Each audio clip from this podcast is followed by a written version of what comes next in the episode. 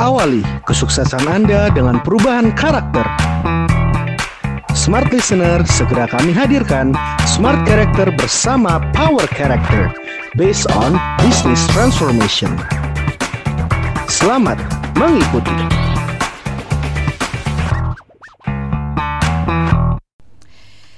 Smart Listener dan juga sahabat Sonora yang bergabung bersama dengan kami. Smart Listener dan juga sahabat Sonora dalam Smart Character malam hari ini Life Transformation. Kami akan membahas mengenai topik yaitu People Management Skill ya. Yeah. Kita berikan kesempatan dulu. Yang pertama mungkin kepada Mas Konan ya. Latar belakangnya, kenapa mengangkat topik ini begitu? Silahkan, An yeah. apa yang menjadi kegundahan tim dari Anda begitu? Silahkan Ya kalau kita terjun di dunia kerja ya Selalu kita ini akan bertemu dengan tipe-tipe manusia. Betul. Nah, bicara people management adalah kita harus mengelola keunikan dari setiap manusia karena setiap manusia itu sangat unik. Mereka tidak aneh, mereka berbeda. Ada orang yang memang tipikalnya kalau bicara nadanya agak tinggi, hmm. dia nggak bermaksud tinggi, hmm. tapi memang ada tipikal yang seperti itu. Tapi ada orang yang memang sangat lembut, hmm. ada orang yang memang kalau ngomong nggak bisa di stop. Hmm Ya ada orang kalau ngomong tuh rada kaku. Okay. Jadi tidak ada mana yang lebih baik enggak. Cuman mereka masing-masing berbeda. Ada orang yang kalau diketawain di depan umum nggak fine-fine aja. Tapi yeah. ada orang pas diketawain dia langsung sakit hati. Yeah. Lah kita nggak bisa bilang dasar kamu gampang sakit hati. Enggak, memang mereka berbeda. Pola asuhnya berbeda, latar belakangnya berbeda. Jadi manusia ini masing-masing itu unik. Kalau kita bisa memahami dan mengelola keunikan mereka, kita bisa memenangkan mereka sebenarnya. Mm -hmm ini kabar gembiranya ini bukan pengen menyederhanakan permasalahan ya, yeah. Mas Konan bukan. ya, bukan ya. Tapi kemudian saya mau tanya dulu ke Mas Hans ya, Boleh. bicara mengenai persoalan manusia hmm. SDM human hmm. capital ini kan ternyata memang persoalan klasik yang dari dulu sampai sekarang terus menerus bahkan hmm. kalau sekarang boleh dibilang semakin mengemuka gitu ya, ya. Hmm. banyak perusahaan yang pusing gitu ya kalau bisa katanya nyewa robot nyewa robot deh daripada mau bekerjakan manusia nah ini anda melihat apa yang terjadi dalam perkembangan psikologi manusia sehingga kemudian makin ke sini kok kayaknya makin rumit. Hmm. Menurut Anda sebenarnya ini pengulangan permasalahan aja karena dalam yeah. sejarahnya sebenarnya udah ada atau yeah. bagaimana? Silahkan. Iya. Yeah.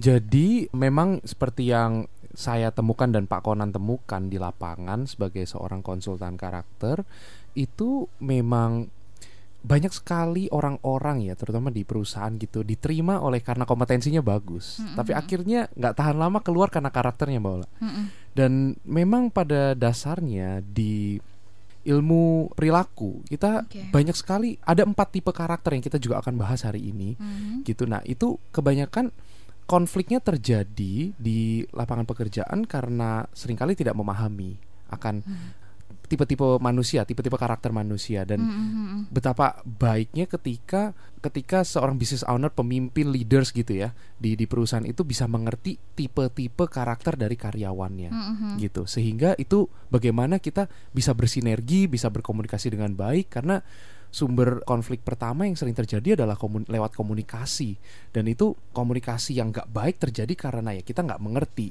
lawan bicara kita karakternya seperti apa dan karena memang di dalam pekerjaan itu meli melibatkan banyak sekali komunikasi dan ketika komunikasi yang nggak tepat tentunya itu memicu banyak sekali konflik seperti itu. Okay. Nah, ya kasusnya akan terulang-ulang seputar tidak memahami karena karakter orang-orang. Nah, tapi anda merasa bahwa yeah. ini rada aneh gak sih yeah. di iya. saat kemajuan teknologi semakin mm. memudahkan kita untuk bisa berkomunikasi ada Skype yeah. gitu ya, ada berbagai teknologi smartphone, video call dan sebagainya.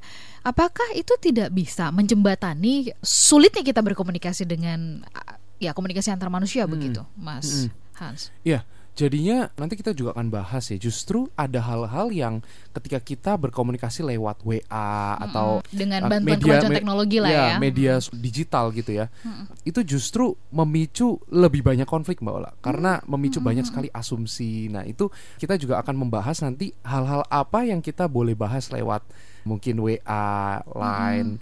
Facebook seperti itu dan hal apa yang memang harus dibahas face to face seperti itu dan okay. ketika kita bicara tentang memahami karakter itu penting sekali memang untuk kita memahami dan dan supaya kita juga bisa menghindari konflik-konflik yang ada seperti mm -hmm. itu. Mana yang jauh lebih baik, menghindari mm -hmm. atau sebenarnya menyelesaikan konflik, Mas Kona?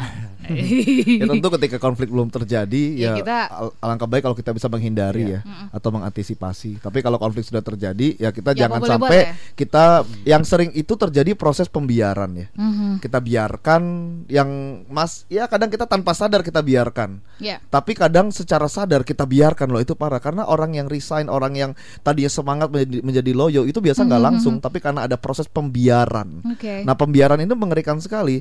Misalnya untuk mengotorkan sebuah meja, kita tidak tidak usah kita taburin pasir, kita diamin aja nggak usah dilap selama sebulan, dua hmm. bulan, mm -hmm. itu jadi sangat kotor. Okay. Untuk membunuh ikan-ikan di akuarium, kita nggak usah kasih racunin itu airnya kita diemin aja nggak usah bersihin mm-hmm. kita nggak usah kasih makan ikannya selama sekian bulan ikan itu kan mati dengan sendirinya iya, betul. begitu juga dengan orang-orang di sekeliling kita baik itu orang tua anak maupun anak buah kalau kita membiarkan mereka, membiarkan konflik itu terjadi seolah terkubur padahal itu terkubur hidup-hidup.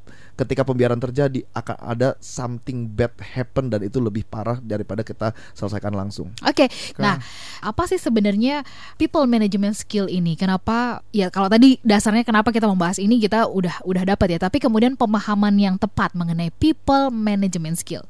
Silakan Mas Hans eh Mas Konan yang akan menjelaskan silakan. Iya.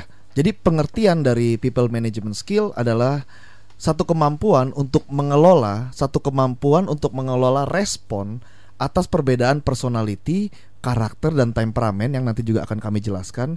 Jadi kemampuan mengelola respon atas perbedaan personality, karakter dan temperamen orang lain untuk mencapai solusi dan sinergi. Hmm. Jadi kalau sudah kita bicara bukan diri kita, kita bicara dengan orang lain, ujung-ujungnya cuma dua, solusi dan sinergi. Nah, banyak orang ujung-ujungnya masalah. Yang dipikirin masalah, bukannya solusi. Yang dipikirin perbedaan, bukannya sinergi. Sinergi itu bukan bicara kita gini, sama sinergi gitu itu ya? kesatuan, tapi yeah. kesatuan bukannya kesamaan, yeah, tapi yeah. menghargai perbedaan. Itu sinergi. Kalau kata almarhum Gus Dur, yang sama jangan dibedakan, yang beda jangan disamakan. Bineka Tunggal Ika. Nah, jadi ini penting sekali bahwa people management ujungnya adalah kita akan menemukan satu solusi dan satu sinergi. Kenapa bisa ketemu solusi dan sinergi? Karena kita mengelola perbedaan respon-respon manusia. Nah, respon manusia dibedakan ada tiga. Mm-hmm. Yang pertama disebut yang tadi saya sebut respon personality. Mm-hmm. Personality dari kata persona yang artinya masking atau topeng. Jadi ternyata ada respon personality itu hanya 5%. Jadi kalau Mbak Ola melihat saya di sini personality. Hanya lima persen personalitinya kelihatannya baik. Aslinya lebih baik lagi mbak. Gitu ya. Amin, amin amin amin jadi amin. personality itu hanya lima persen yang kita lihat pada pandangan pertama. Hmm. main kesan. Banyak orang terkesan sama kesan. Nah akhirnya kita ketipu sama yang di dalamnya. Main kesan dan Iya terkesan, terkesan terkesan sama orang yang main kesan. Soalnya kelihatannya karisma, hmm. personality gitu itu ya. hanya lima persen, sedangkan orang ada yang namanya respon karakter. Hmm. Karakter adalah siapa kita ketika diuji ataupun dipuji. Siapa kita ketika menghadapi pujian ataupun ujian itu respon karakter. Hmm. Sedangkan respon yang ketiga disebut respon temperamen, yaitu respon kita pada situasi normal.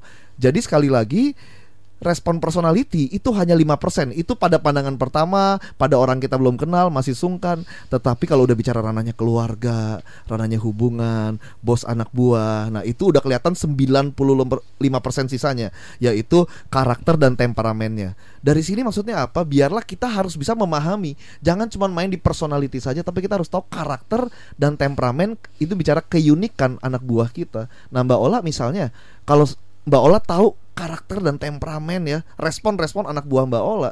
Kira-kira apa yang terjadi? Yang pasti, yang saya sudah mau info yang pasti, Mbak Ola bisa menempatkan mereka di tempat-tempat yang tepat. Karena respon atau karakter keunikan seseorang itu akan sesuai dengan job desknya masing-masing dan mereka bisa enjoy.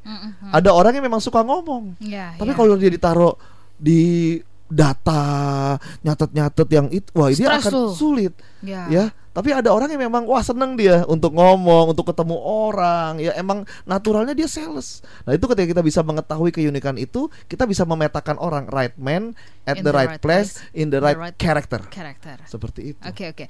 Tapi kan artinya itu kan idealnya ya, idealnya. Mas Conan dan juga Mas Hans. Hmm. Tapi kan sering kali kita berada atau bertemu dengan situasi yang gak ideal, iya. organisasi atau perusahaan yang ternyata tidak pas, uh, tidak pas atau itu. Kemudian juga situasi dan kondisi nggak ada orang lagi misalnya Iya. begitu yeah. ya. Apa boleh buat dan apa boleh apa boleh baut gitu ya. Yeah. Akhirnya ya udah di di, di push lah gitu. Yeah. Karena nggak ada orang nih. Nah, yeah. bagaimana pandangan Anda? Apakah tetap memang bisa disiasati begitu atau bagaimana? Kalau dari Mas Han sendiri? Justru itu gunanya kenapa kita belajar hari ini mengenai macam-macam karakter, Mbak Ola. Mm -hmm ya karena ujung-ujungnya mm-hmm. ketika kita belajar tentang macam-macam karakter ujung-ujungnya itu adalah responding dan bukan labeling nah bedanya apa responding itu nah, mungkin nih contohnya yeah. saya seorang yang kalau di sini kita ada merah kuning hijau dan ungu mm-hmm. ya mungkin misalnya saya seorang merah mm-hmm. bagaimana saya bisa memahami warna kuning hijau dan ungu nah itu tuh responding ya kalau orang labeling bedanya adalah oh saya merah. Ya udah saya memang merah. Cara saya seperti ini. Saya nggak suka ini. Saya Situ lebih suka, suka ya ini. udah. saya nggak suka. Ya udah gitu kan. Nah itu itu labeling jatuhnya. Saya merah kamu kuning dia hijau dan si itu ungu gitu. Nah itu jadinya justru gunanya ketika kita belajar people okay. management karakter management kita jadi ngerti bagaimana kita harus menyikapi segala perbedaan yang ada supaya terjadi sinergi. Menyikapi itu bukan berarti mendiamkan ya benar ya? iya bukan, bukan iya. ya? Artinya kan kadang-kadang ada orang yang supaya tidak berkonflik supaya tidak jadi bermasalah udahlah gitu ya. Kita tes aja deh tahu sama tahu gitu nah, nah itu yang tadi balik yang saya bilang bisa ke pembiaran. Nah itu pembiaran jadi kalau saya boleh tambahkan, jadi penting sekali Mbak Ola ketika kita case-nya tadi Mbak Ola yang nggak ideal gimana nih, hmm, ya? Hmm. Kan kita kan yang kita lakukan ke ketika kami ke perusahaan, tahap awal ketika kami dealing dengan perusahaan untuk melakukan aktivitas konsultasi di sana, langkah awal yang kami lakukan selalu mapping. Hmm. Mapping itu bicara tes foto karakter. Yes. Jadi hasil dari tes foto karakter kita bisa punya overview karakter-karakter di setiap divisi. Bukan asumsi. Gitu Bukan ya? asumsi. Ini hasil hmm. tes, hmm. ya. Jadi kita lihat apakah orang-orang di dalamnya sudah right man on the right place on the right character. Hmm. Karena kalau orang sudah karakternya cocok hmm. dengan pekerjaannya, dia mengalami tiga indikator. Yang pertama yeah. dia enjoy, yeah. yang kedua easy, hmm. karena itu udah talentanya udah di dalam dia, udah plug in. Yeah. Enjoy, easy, dan ketiga fruitful. Fruitful okay. bicara berkarya, berkontribusi. Nah jadi yang kita lakukan pertama itu mapping jadi mapping foto karakter oke okay, nah dari hasil mapping kan yang Ola bilang wah ini cocok ini cocok. wah kok divisi divisi accountingnya kok nggak cocok ya kenapa mm-hmm. accounting butuh tekun serius fokus ini diam. orangnya suka jalan orang-orangnya dari supervisor manajernya kebetulan nggak ada dari supervisor sampai staff orang-orang yang yang demen ngobrol yang orangnya tuh antusias nggak betah duduk pengennya berdiri wah akhirnya bisa gak mereka mengerjakan pekerjaannya? Bisa. Bisa stres ya kan? Tapi bisa karena dia kuliahnya itu. Bisa tapi bisa stres bisa gitu. karena kan bisa karena biasa ya. Hmm. bisa karena kuliahnya itu. Kerjanya lumayan oke okay, tetapi efek sampingnya apa? Karena emang suka ngomong akhirnya sebagai akunting akunting gaji karyawan bocor. Karena emang mulutnya suka ngomong pas oh, tanya eh iya, gajinya gajinya si A berapa jam bilang-bilang ya. Nah, nah cuman udah, kamu kan? nih. Udah nah, akhirnya semuanya dari dia cuman eh, kamu. Cuman kamu akhirnya jangan iya. bilang-bilang resepnya iya. gitu ya. Dan akhirnya ketika ada divisi marketing waktu ini ini kisah nyata. Divisi marketing manajernya apa ya, supervisornya keluar, kosong, cari-cari gak ketemu orang. Lalu kita ingat, oh ya Pak, supervisor dari divisi accounting ini kita rotasi aja karena cocok karakternya untuk divisi marketing. Emang bisa Pak? Kita coba, kita tanya Pak Andre, dia bilang, aduh jangan pak saya nggak biasa kayaknya nggak bisa. Coba dulu. Nah ketika ingat kita nggak bisa asal copot pindah. Kita hmm. harus melakukan aksi training coaching hmm. training coaching training coaching. Artinya dibukain dulu. Iya kita nggak bisa main. apa dibutuhkannya karena kan apa, karakter kita. sendiri kompetensi hmm. sendiri. Ketika betul, orang betul, karakternya betul. cocok kompetensi harus dilengkapi. Dia akan lebih cepat belajarnya. Hmm. akhirnya sekarang betah banget nggak mau pindah lagi. Telemarketing telepon nyamperin orang nggak mau pindah lagi. Karena udah cocok karakternya di sana. Nggak usah disuruh ngomong juga udah ngomong. Iya begitu. Udah suruh nggak nggak disuruh merayu pun udah merayu begitu. iya, ya. Baik baik. Mas Konan apa yang menjadi catatan Anda untuk malam hari ya, ini? Ya dari sesi belajar pentingnya self awareness. Kita menyadari kekuatan kita apa, titik kritis apa. Yang kedua setelah self awareness, kita harus mampu belajar latihan untuk melakukan self management. Dan bicara people management ini tidak berhenti dari dengan self management tapi lanjutkan ke social awareness. Kita bisa aware sosial kita seperti apa dan kita bisa melakukan secara efektif namanya social management. Hmm, Oke, okay. terima kasih untuk Anda semua yang sudah menyimak. Semoga perbincangan kami ini bisa memberikan semangat, motivasi, dan inspirasi untuk Anda. Baru saja Anda menyimak Smart Character bersama Power Character based on Business Transformation.